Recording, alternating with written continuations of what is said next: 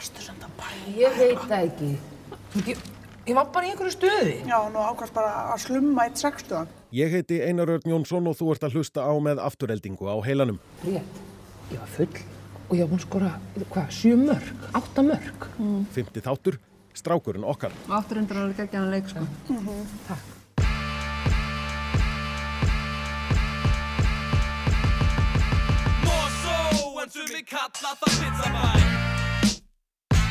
Starfsmæðurinn reyndi ítrekkað að gera konni grein fyrir því að þetta væri nú bara auðlýsingum þætti en hún hlustaði bara hreinlega ekki á það.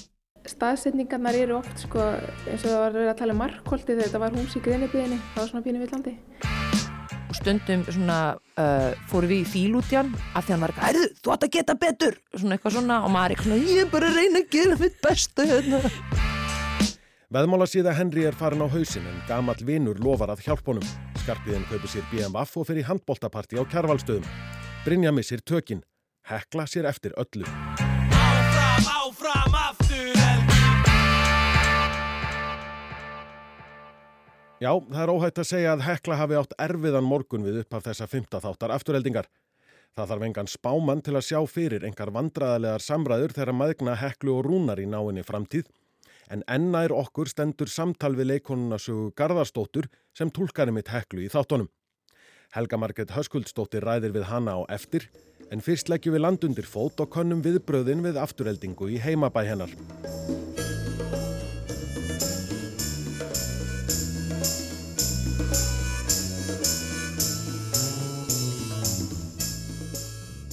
Þá er ég komin hingað í Íþróttamiðstöðuna að Varmá sem er bísna stór leikandi í, í þessum þáttum, Karl Tómasson. Já, húsvörður, starfsmæður, húsins, hvað er ég að tilla þig? Já, starfsmann hérna, það var má. Hefur þú fylgst með þáttunum? Já, ég hef gert það og hérna, það er nú gaman að segja frá því að það kemur hérna fyrir slagorð, kraftur, snerpa, úttald, ending. Og þetta er gammal frasi sem að ég samti fyrir félagið. Þannig að ég ásáldi í þessu. Ertu búin að, er, kemur þú fyrir í kreditlistanum? Færðu, kredit? Nei, nei, nei, ég ger það nú reyndar ekki. En þannig er mál með vexti að ég og félagið minn Birgir Haraldsson, söngvari í gildrunni, við vorum hér með duett sem við köllum 66 og við sömdum baráttu lag afturöldingar sem hefur verið notað síðan bara, held ég, að ég geti sagt.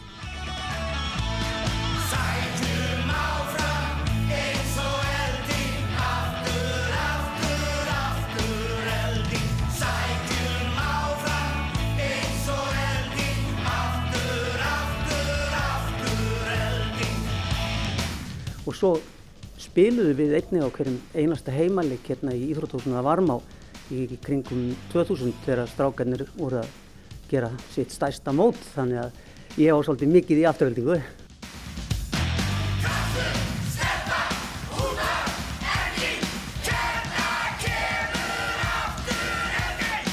Og hvað finnst þér þá um, um þættina og svona þá mynd sem að kannski kemur af, af, af Íþróttafélaginu afturheldingu í þá- þáttunum?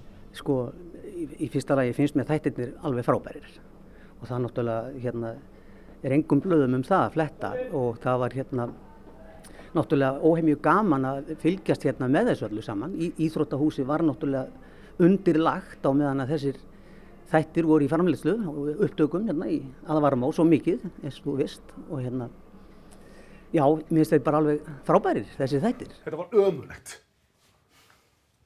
Ég trúi ekki að þessi sama lið og spilaði hana fallega bolta á lögutæðin. Og þið er náttúrulega hér í Íþróttamiðstöðunni, hér í Sundlaugin og, og það er rækt hérna líka þannig að þið hafið snertiflötu við svona bísna marga mósvellinga.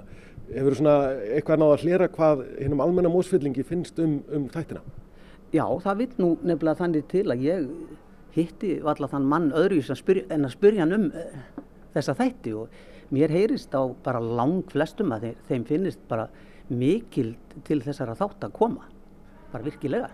Eru þið timbraðir eða hvað? Það var eins og horfa okkar stelpur í brennó.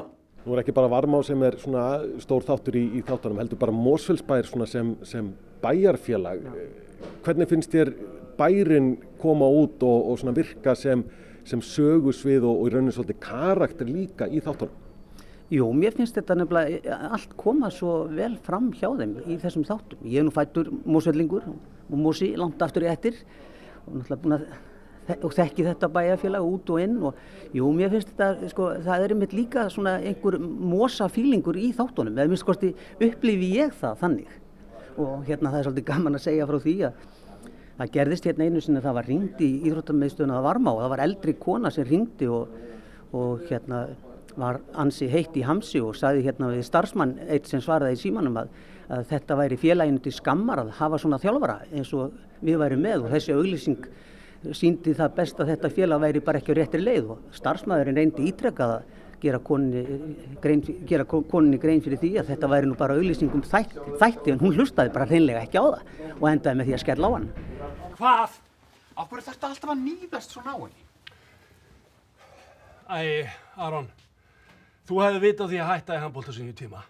Hún þarf líka að fatta að hún hefur ekkert í þetta. Sérðu karaktera í þáttunum að því að nú náttúrulega Dóri DNA 100 200 og svona hugmyndasmiður líka mósvellingur. Sérðu karaktera sem hún kannast í gegnum tíðina á þess að við förum í nöfn eða kennitölur? Já, ég er ekki frá því sko, án þess að við förum í nöfn og kennitölur, að hérna ég sjái, sjái það sko.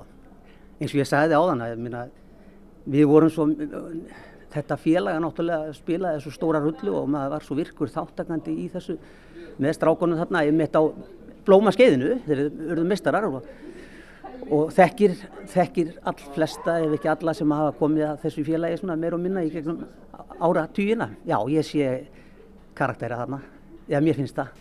Það lítur ekki vel út, sko. Þú vilja kalla þetta alltaf með þetta, maður.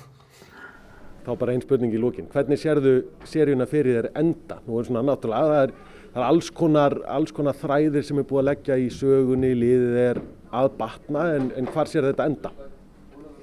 Ég held þetta verði, sko, ég held þetta verði svolítið góður endir, sko. Ég held að, held að skarpiðinni eftir að gera gott mót með stelpunum og, og eitthvað gerist hjá kallinum. Ég sé það þannig en, ég, en hérna taland um skarpiðin, sko, það er náttúrulega, eitt við þess að þætti það er náttúrulega stórkoslegu leikur í þeim líka, sko, það má ekki gleyma því.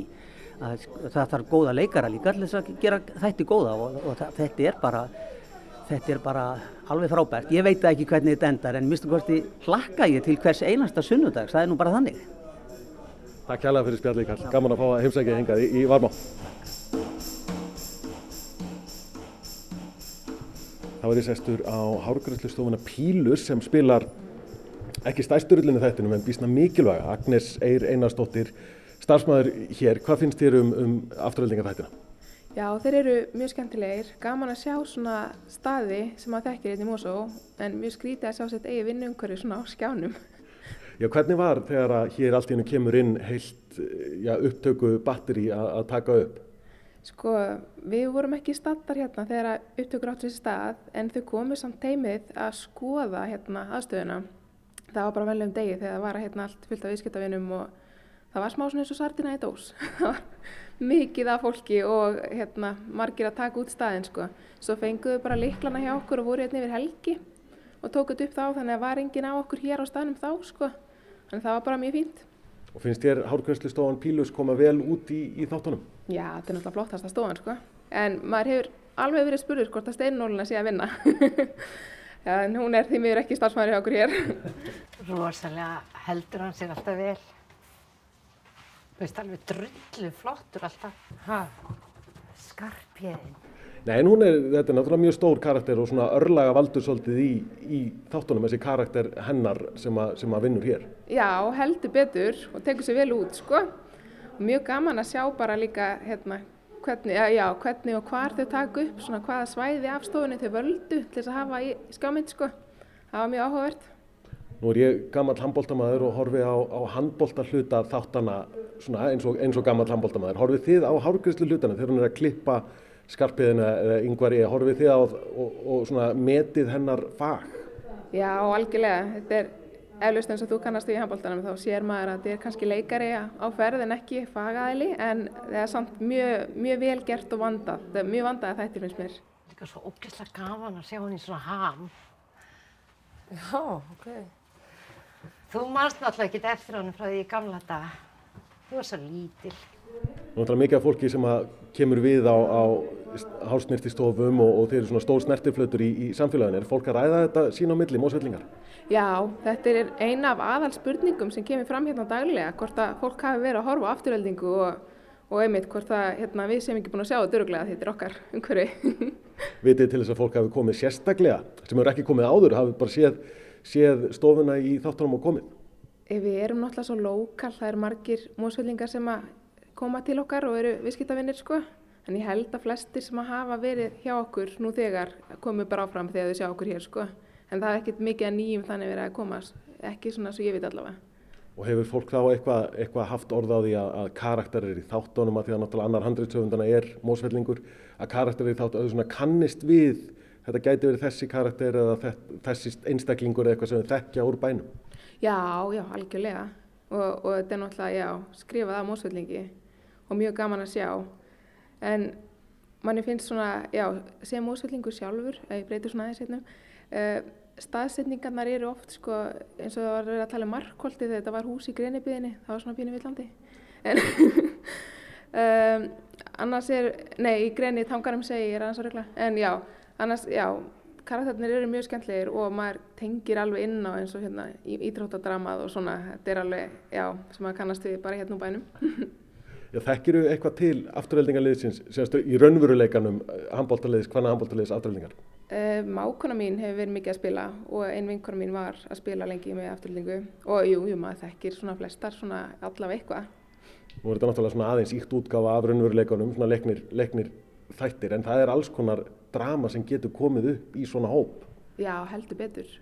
Og ég er úr mikill í fótboltafjörskipti þannig ég hef séð meira af sko, fótboltafélag afturheldingar heldur en af handboltanum svona hvernig allt gengur fyrir sig og það er ímis pólitík og mikið drama oft sem fylgir svona stóru liði, sko. Ég held að tímabili að við færum út með honum aftur, þú veist, þegar hann fór til Þýskalands. En svo þegar hann losnaði hækjónum þá bara sá ég aftan og raskatið á honum. En Mosfellsbær bara svona sem, sem samfélag og, og, og sveitarfélag er svolítið stór í rauninni karakter í þessum, þessum þáttum sem hefur ekki oft verið áður. Mosfellsbær hefur svolítið einhvern veginn svona, já ekki mikið verið í skáldskap eða svona drama, drama þáttum.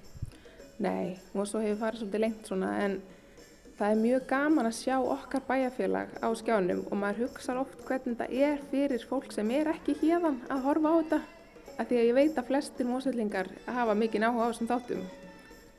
Og heldur að fólk hafi aðra mynd af Mosfellsbær sem, sem stað og samfélagi eftir að horft á þættina? Já, klárlega, ég myndi alltaf það sko. Ég held að það er alveg vinsalt að kíkja rúndin í Mosó ef maður er búin að hóra þættina sko. Takk alveg fyrir spjallið.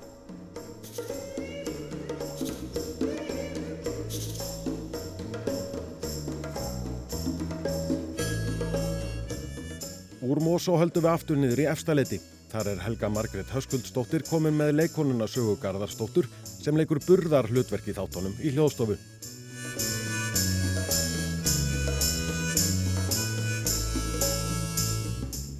Klár. Ég er klár. Ú. Er ekki allir lægja sjötur og svona kaffi? Það er, það er bara heimilislegt, Já. ég Saga Garðarsdóttir eh, sem að fer með hlutur Heklu í afturhaldingu sest hérna hjá mér. Ég sagði að já, við byrjum svona á hvernig, hvernig finnst þér bara svona viðbröðin hafa verið? Uh, ógeðslega skemmtileg. Það er hérna, ég hef sjaldan fengið ja, mikil viðbröð við ykkur sem ég hef verið uh, hluti af. Nefna kannski, jú, þegar ég hef verið að skrifa áramöndaskaupið, þá fæ ég ofsa fengið viðbröð svona fyrstu fjóra dagana eftir á. en þetta er búið að vera mjög gaman og mjög gaman að uh, ég er náttúrulega tek leigubíl mjög mikið uh, og þá hitt ég menn sem að uh, kalla mig kollega sem mjög, mjög skemmtilegt að vera orðin kollegi leigubílstjóra af því að ég sko þarf að taka leigubíl af því ég er ekki með bílpróf. Já, ok. Já. En býtu, þú keirir í... Ég veistu að ég keiri svo mikið í þessum þáttum. Ég var náttúrulega alveg búin að lofa þeim bara svona þegar við förum í tökur þá er ég náttúrulega komið með bílprófið. Þá náttúrulega verður það alveg klárt. Og svo eins og uh, þetta hefur bara verið hjá mér með bílprófið þá bara veginn næ ég ekki að byrja að læra. En ég keiri í þáttunum og uh, í alvörunni og uh, með yngvari oftast í, í bílnum og, á tökumannin Mhm. og ég var treyst fyrir þeirra lífum og, og það gekk eiginlega bara ótrúlega vel ég myndi segja að ég hérna uh, gæti sennilega rúlað upp bílprófuna ef ég myndi drífa það Varstu með æfingarakstur límið aftan á hvernig? Sko nú er ég að hugsa hvað af þessu er löglegt og ég er ekki held ég að segja, eða þú veist, ég þóri ekki að segja mig. meira núna. Allt í nafni listarinnar. Allt í nafni listarinnar. En ég, þess maður geta, ég fór í fyrsta skipti í gegnum ringtork. Það var bara í tökku og uh, hérna, Hattikunni var sem sé leiksturi að leiksturi þeirri sinn og hann segir eitthvað svona, já ok, herðu, færi bara, bara í gegnum ringtorki, það var svona í, í talstöð og ég var bara með yngvar tökumannum, færi bara í gegnum ringtorki og svo byrja ég sinna og ég ekkert mál, svo kerur við stað og svo heyrist ég yngvar svona, "He- hefur farið gegnum ringtork áður? Og ég, nei, aldrei. Og svo fór við inn og svo var bara að pípa á mig á fullu og svo bara byrjaði sennan. Ok, það er náttúrulega ótrúlegt. Já, Eh, það smá það var smá pakki, en það, það gerði það smá verkum að maður varði einhvern veginn af því að uh, stundum þegar maður, ég held að svona líkillin að því ofta að leika sé bara slaka á. Eða vera ekki ómikið að, að hugsa um það og geta einhvern veginn bara svona uh, verið til í senunni og það að vera að gera eitthvað svona annað sem er mjög kræfjandi, hvort sem það er þú veist eins og oft ef maður með eitthvað svona líkanlega gjörðir eins og að, bara fá sér kaffi eða búa sér til eitthvað eða þá að kera bíl, þá einhvern veginn uh, verður maður svolítið svona slakur í hinn af því að ég var svo mikið að hugsa um að halda öllum að lífi að hitt verður einhvern veginn svona bara kemur eðlilega með Ok, þetta, þetta er náttúrulega stórkastlegt. Þú kannski leggur fyrir bara leigubíla mennskuna þegar bílprófið kemur í hús. Absolutt. Nei, það ekki. Já, allavega sækjum. Já, nokkulega stemningi. Það verður kannski komin Uber, það getur verið Uber bílstjóri. Ok, ég myndi allavega fara í íbúr hjá þér. Já. Eh, sko, hvernig kemur annars inn í þetta verkefni og, og, og hvenar?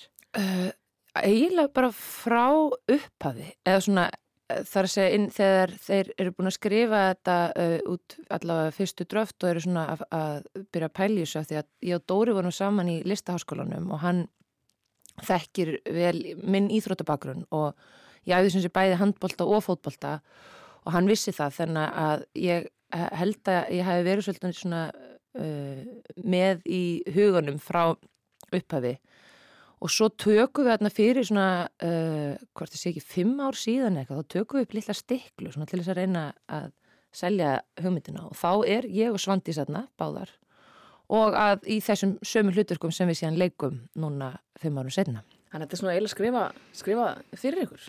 Já, allavega með okkur í huga, já. Og uh, mér finnst það alltaf rosalega skemmtilegt og ég hafandi, sko, og ég myndi segja svona íþróttapersonan, Saga Garðarsdóttir, hún er svolítið svona rík í mér. Þannig að mér finnst alveg ofbáslega gaman að fá að leika uh, íþróttakonu og vera í þessu hlutverki. Hvernig, hvernig, hver er sko handbóltabakgrunnin og kannski reyndar bara veist, hvernig er íþróttabakgrunnin hjá þér? Hvað varstu lengi að æfa? Uh, ég byrja sex ára í fótbolta og þar er, uh, er ég að æfa með káar og það eru margar af stelpunum sem að uh, voru að æfa fótbolta með mér í káar voru að æfa handbolta í gróttu líka. Þannig ég fer uh, í gróttu líka og er æfa þetta var bara alltaf saman alveg þangar til í bara lók mentaskóla. Þá svona uh, hætti ég öllu svolítið svona sviplega því að mér langaði að fara í leiklist. Einmitt. En, en það, þú veist, einmitt út mentaskóla, það er alveg... Já, veist, svolítið- en það er mjög skemmtilegt með handboltan af því að uh, mér er svo gaman að fá- að leika handboltakonu sem að skora mörg mörg. Akkurat. af því það er svolítið ólíkt í hvernig ég var í handbolta. Af því ég var uh, ég átti að til að vera með svona miklu svona fullkomnunar áratu og í eins og fólk hefur oft tekið eftir í handbolta af því þú veist, hún er mörgum skotum og markið, þetta er ólíkt í fótboltanum og þá er oft by- byrt svona tölfræðin. Mhm. uh, 30% nýting uh, og þú veist, svona mörg skotamarki, svona mörg mörg. Og mér fannst þetta svo óþægilegt að ég hætti eiginlega að skjóta mark og þetta var svona klemma hjá mér. Ég uh, vildi ekki skjóta marki af því ég vildi ekki klúra þannig að mjög snemma byrjaði ég bara að var ég bara látin spila vörn. Ok. af því ég er líka mjög stór og, og var óhrætt við að fá boltan í mig þannig að ég svona sérhæði í vörn. En, en mér finnst mjög gaman að því síðan æfðu við mjög mikið bara svona skot og mark og ég held ég sé komið með sjálfsörgi í það núna að, að geta að spila svo Sko, ég náttúrulega tók viðtal við, við Óskarbjörna, Mhm. hérna hjá Val og, og Hröpu skúla veistu að ég hlustaði á það og þau náttúrulega Já, segja að þú eigir að það fara í ólisteildina á Já, næsta það. tífabili. Ó, þetta gerur svo mikið fyrir úlingasögu sko að heyra þetta ég bara dýrka þetta eins og þau sögðu líka, þú veist, þetta, þetta passar mjög vel, það meika mjög mikið sens að þú sért bara eitthvað stór skitta í handbólta. Já, ég hef svona líkamlega allt til þess. Ég er hávaksinn, uh, ég er uh, sterkbyggð og get spyndnir hátt upp og þú veist, með náttúrulega langar hendur þannig að ég get náð upp fyrir vörnina. Jú, ég, hérna, en ég hafði, hafði allavega á tíma þegar ég æði þetta, þá var ég ekki með uh, sjálfsöryggið. Akkurat. En hvernig, hvernig gekk að hitta á markið í, í tökum? Herðu, sko, svo náttúrulega erum við að taka upp handbóltan og það þarf gerast mjög hratt af því að uh, við þurfum að ná mjög mörgum sóknum og þetta þarf að líta rétt út og uh, við þurfum að ná ákveðnum leikkerfum og það er meira en að segja það að taka upp handbóltasefnu. Það sem að þú veist, allt þarf að ganga upp basically. Allar sendingar, uh, öll hlaup þurfa að vera sannfærandi þannig oft, þú veist, þegar okkur tóksta einu sinni, þá þurftu bara að drífa okkur í næsta. Já, bara halda, halda Það ritmanum. var rosamæg og Ásgeir hérna sem að uh, þið hafið náttúrulega talað við og, og var svona að gæða stýra handbóltanum, hann var rosalega flinkur í þessu en hann varði líka rosa mikið þjálfarinn okkar skil og stundum var hann reyður og stundum svona uh, fóru við í fíl út í hann af því hann var eitthvað, herðu, þú átt að geta betur svona eitthvað svona og maður eitthvað svona ég er bara að reyna að gera mitt besta hérna. Ég er bara leikona. ég er bara leikona og svo eitthvað svona, eitthvað, herðu, já, þannig að þið takið þá bara junga, vinstri junga og saga, svo ferð þú bara upp og ég vil bara fá hann beint í samskettin skilum maður eitthvað, já, ok, ég skal reyna. Og stundum gekk það eftir en stundum þurfti alveg, þú veist, fimm tökur og þá finnum maður alveg rosa pressu það er náttúrulega, þú veist, kannski eh, 80 aukaleikarar að horfa og síðan bara fullt tökukrú og það er allir bara plís nennir bara dundrónum í samskettin og maður er eitthvað, já, það er bara svolítið erfitt. Var það ekki geðveikt þegar það Já. jú, og svo náttúrulega líka sem er mjög uh, áhugavert að því að við erum kannski að æfa sókn og það vita allir uh, liði sem að við er, er, er að leika mót okkur og við að ég á að skora í þessari sókn. Og uh, við erum búin að segja markmannum bara, sað allar að skjóta þarna, hún skýtur uppi hægra megin. Og markmannum fer þá aðeins í hitt hotnið eða leifir mér að skjóta. Og svo gerum við þetta og ég skora og allir aukalegarandi fagna. Og maður hugsar af því að veist, það er bara tilfinningin sem hellist yfir mann er bara, ég er ótrúlega góð í handbolta. Maður svona gleymið því að það var búið að æfa þú veist, varnamenni fóru frá, markmann fór í annað hot, Já. skilur Mhm. og bara svona í mómentinu fær maður í alvörni uh, þessa, hérna, þetta svona ego tilfinningunum, bara svona þú veist, maður keirir, ég held að það sé smá eins og bara hláturjóka, þú veist, maður bara líka minn hann kaupir þetta, Já. þó þetta sé allt sviðsett, sko. Og einmitt þá kannski bara ennþá, þú veist, bara karakterin, þú kennst einhvern veginn ennþá betur inn í hann Algjörlega, algjörlega. Hvernig var annars, þú veist, liðið, þú veist, þið, var þetta svolítið mikið lið, þú veist, Já, þið- við sem urðum eru- rosa lið. Það er hérna, það var bara þannig og það er uh, allar, allar stelpunum við þurfum að byrjum áður en að hérna tökur hófust, þá náttúrulega hittust við og byrjum að æfa og, og byrjum bara svona að hanga saman og svo náttúrulega uh, gerist það líka bara í tökuferðina því að það eru svo mikið af senum og það eru skemmtilegustu senundar að mínum að það eru allar senundar sem gerast inn í klefa, þar sem við erum allar saman og, og það er náttúrulega í raun og veru líka bara mjög sjálf, sjálfgeft í, í oft kvikmyndagerð að hafa svona margar gellur uh, í sömu senunni að vera að tala saman og það er bara ógeðslega gaman. Og svo verðum við náttúrulega uh, þegar við erum að taka upp þessar handbóltasenur og, og við erum bara að hugsa eins og lið, veist, þetta þarf að ganga upp, ég þarf að gefa Svandísi fullkomin bolta, hún þarf að láta hann fara til önnu á bara nákvæmlega sem hún veit og þá verður við þetta, og þegar okkur texta, fáum við bara nákvæmlega þessa sömu tilfinningu og þegar lið, liði hefnast að gera eitthvað. Mjög gott. Sko, hvernig hlaupið upp esjuna? Ég veit það var ekki þættinu sem að vera að pæli núna, en, en hlaupið í alveg upp esjuna? E, já, í náttúrulega bútum. Já. en já, og við gerðum það mjög snemma því við við urðum að gera það náttúrulega áður en það er alltof kallt. Já, akkurat. Það var samt ógæslega kallt. Uh, já, við hlupum upp essin og var alltaf verið að finna svona virkilega erfiða brekkur. Svo áttum við að spretta upp þar, hlaupin hratt og við getum upp. Svo þurfum við að gera aftur og aftur og, og ég held sko að það væri áhugavert að tala um þessart kannski essu tökundari því ég held að þær hafi verið að marganhátt erfiðari fyrir tökumannin Jakob sem var með okkur af því að hann var með svona, veist, svona einn svona myndavél sem hann þurfti að halda á sem var svona reyrð á hann og sem var svona eins og okkur roboti hún er kannski svona uh, milli 20 og 30 kíló og hún liggur einhvern veginn svona framan á hann þegar hann er úr balans og hann þurfti að hlaupa stundum aftur að bak með okkur og hann bugaðist hann átti alveg til bara svona detta niður og bara svona þurfa bara sín, sína 15 mínútur að ná andanum sko. skiljanlega Mér finnst það svo skemmtileg sena því það er veist þessi liðseldar, þú veist svona já, þá náum við saman já, já. algjörlega hann, hún tekst loksin skarpa að, að láta okkur finna fyrir liðseldinni já. Sko, ef við förum aðeins í bara heklu Já. sem personu, þú veist, hvernig hvernig, hvernig horfur hún við þér sem persona? Mm, mér finnst hún, uh, hún er svona mikil basic bitch, algjör, myndi ég að segja og hún er svona mjög svona, svona dæmigerð, eða ja, kannski eitthvað leiti svona dæmigerð íþróttastelpa Mm. og uh, og í þessu, í þáttunum þá náttúrulega kemur fram og hún er svolítið svona uh, þú veist, hún fyr, hefur farið út átt að farið í atvinnumennsku, náði ekki að koma til þessu fótunum þar, fessi hann norður til Akureyrar og þar nær hún heldur ekki einhvern veginn að koma til þessu fótunum og hættir í ykkur sambandi, vonlösu sambandi og er einhvern veginn komin aftur inn til heim til mömmu og býr þar í gamla úlingaherbygginu sinni, þannig hún er svona svona uh, ekkert mjög uh, bara sterk, stendur ekkert mjög sterkum fótum í sínu persónulega lífi en síðan eh, er hún þarna á bekknum í afturhaldingu og fær skarpi gefur henni tækifæri og þá svona stígur hún upp. Allt í henni kemur eitthvað sem sér eitthvað í henni og uh, þar fer hún að finna sjálfströsti sitt og, og vex í uh, liðinu sem uh, sem hérna skitta.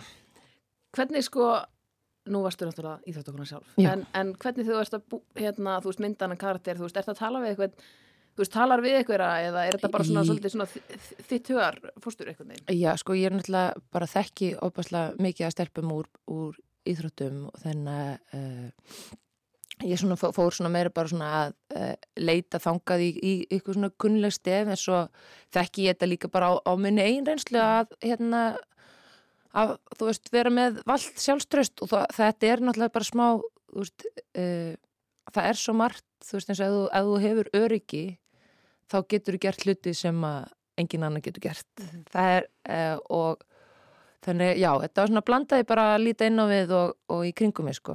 En svo finnst mér líka mjög skemmtilegt að því að mammenar heklu, hún steinnólina sem er uh, geggjutýpa þarna Mhm. hann lítur hálf út eins og brattstúka og uh, við töluðum svolítið um það uh, ég og leikstjórnir sem kom að þess að hérna, hún færi svolítið í aðra átt en mamma sín, mm veist, hún væri væri svolítið að reyna að vera öðruvísi, hún er miklu meiri uh, jörð, hún vil, er ekki að lita á sér hárið eða með einhverjar greiðslur, fer ekki á pílus hárgreiðslustofuna til þess að að punta sig, Mhm. hún er bara svolítið svona uh, natural Það er eitthvað Gucci töskur og... Nei, nei, og er svolítið svona mótrú held ég gegn, því. Mhm. Hvernig, hérna, einmitt sambandi ykkar, svona, hvernig, hvernig var, að, var að móta það, þetta, þetta maðurkna samband? Sko það er náttúrulega bara rosalega gaman að leika móti Steinu Nólin af því hún er rosaleg leikona Mm. og hún er bara bæði uh, svo fyndin og klár og ég átti, hún leik mig bara oft út í hotn. Þú veist, það er eiginlega bara hægt að segja það. Ég sko bara þurfti oft, svona við vorum kannski að renna textanum og ég gat bara ekki flutt mínu línur af því mér fannst það sem hún var að gera svo fyndið að ég bara svona glemdi mér eða datt út og þetta alveg svona, oh, oh, ok, einhvern veginn svona að setjast aftur á bak. Uh, og svo fannst mér bara rosalega gaman að vera með henni í, í senum. Hún er náttúrulega, er stór karakter uh, meðan Hekla er meiri svona uh, streytir. Hún er eiginlega algjör streytir og kannski í þessari serju líka og mér finnst það líka gaman að því ég hef svo mikið verið að leika grín og oft í svona uh, grínhlutur þá er maður svo crazy, þú veist, það er maður eitthvað svona smá rugglu típa en þetta var allt annað fyrir mig af því ég var meira bara svona að bregðast við og vera í mómentinu og vera sönn og ekki vera crazy típan sem að tekur fáranlegar ákvarðanir. Var það skemmtilegt? Það var, mjög, það var mjög skemmtilegt fyrir mig, já, og áhugavert, en maður hugsaði líka, ég átti alveg til að því ég er svo vön hinnu, þá hugsaði ég átti, ó, ég er ekki að gera nóg, ég ætti að vera, ég ætti að vera að gera eitthvað meira, ég ætti kannski að vera með, þú veist, haldra eða vera með lepp eða, þú veist, smámælt, maður var eitthvað svona, stundum fekk maður alveg þetta af því maður er svo vanur því að vera í ykkur, Ykkur djóki? já, ykkur svona stórri fíguru Mhm. eh, og ekki það heklis ekki stór, hún er bara svo, hún er svo, já, Hún er samt bara svona venjuleg manneski. hún er rosa venjuleg, hún Já. er alveg venjuleg og hún vill líka vera venjuleg Mhm. hún er hérna hún er streytir Sko, mægnarsambandi það, það flækist örlítið í þessum þessum þætti þannig að við náttúrulega, sko, ég persónulega var bara með öndina í hálsinum eftir fjóra þátt Mhm. um, eftir, eftir sleikin Já, uh, hápunktur leiklista Hápunktur ferils leik- míns. eh, hvernig var að kissa yngvari? Sko, hérna, ég ætla mér svo að svara þessu ákveð svona ofbáslega svona, enn fólk mér hugsa svona, hún er lady. Mér fannst það bara ótrúlega gaman. Punktur. Punktur. Já, sko, það er náttúrulega fó- fólk, það er, það er, fólk er að reikna eða Já. fólk er að, er að reyna að átta sig hérna á og það er kannski búið að vera eitthvað svona eitthvað svona moment, þú veist, maður þú veist, hún er svona hávaksinn og, Mm. og íþróttamannslega vaksinn og, og einhver á Twitter og- Fætt skitta. fætt skitta og fólk er farið að hugsa ok, og við erum vitum að það var eitthvað ástasambandan í gangi er skarpi pappennar uh, einhver á Twitter vilja meina að enginn á Íslandi myndi leggjast svo látt að láta þetta gerast uh, þú getur alltaf ekki sagt Nei, en sko- en það er smá, hún fær alltaf að vita þarna í þessum þætti Að þau hafi verið að skjóta sér. Mhm. Og ég held eins og fyrir uh, heklu, uh, þú veist, þá er mamma hennar náttúrulega, uh, búin, þú veist, hún er mjög flörti típa og er svona, svona hefur svona been around í Mhm. Mosó. Eins og við komumst líka að hún tekur hann eitthvað gæja með sér heim sem Já. er giftur og Já.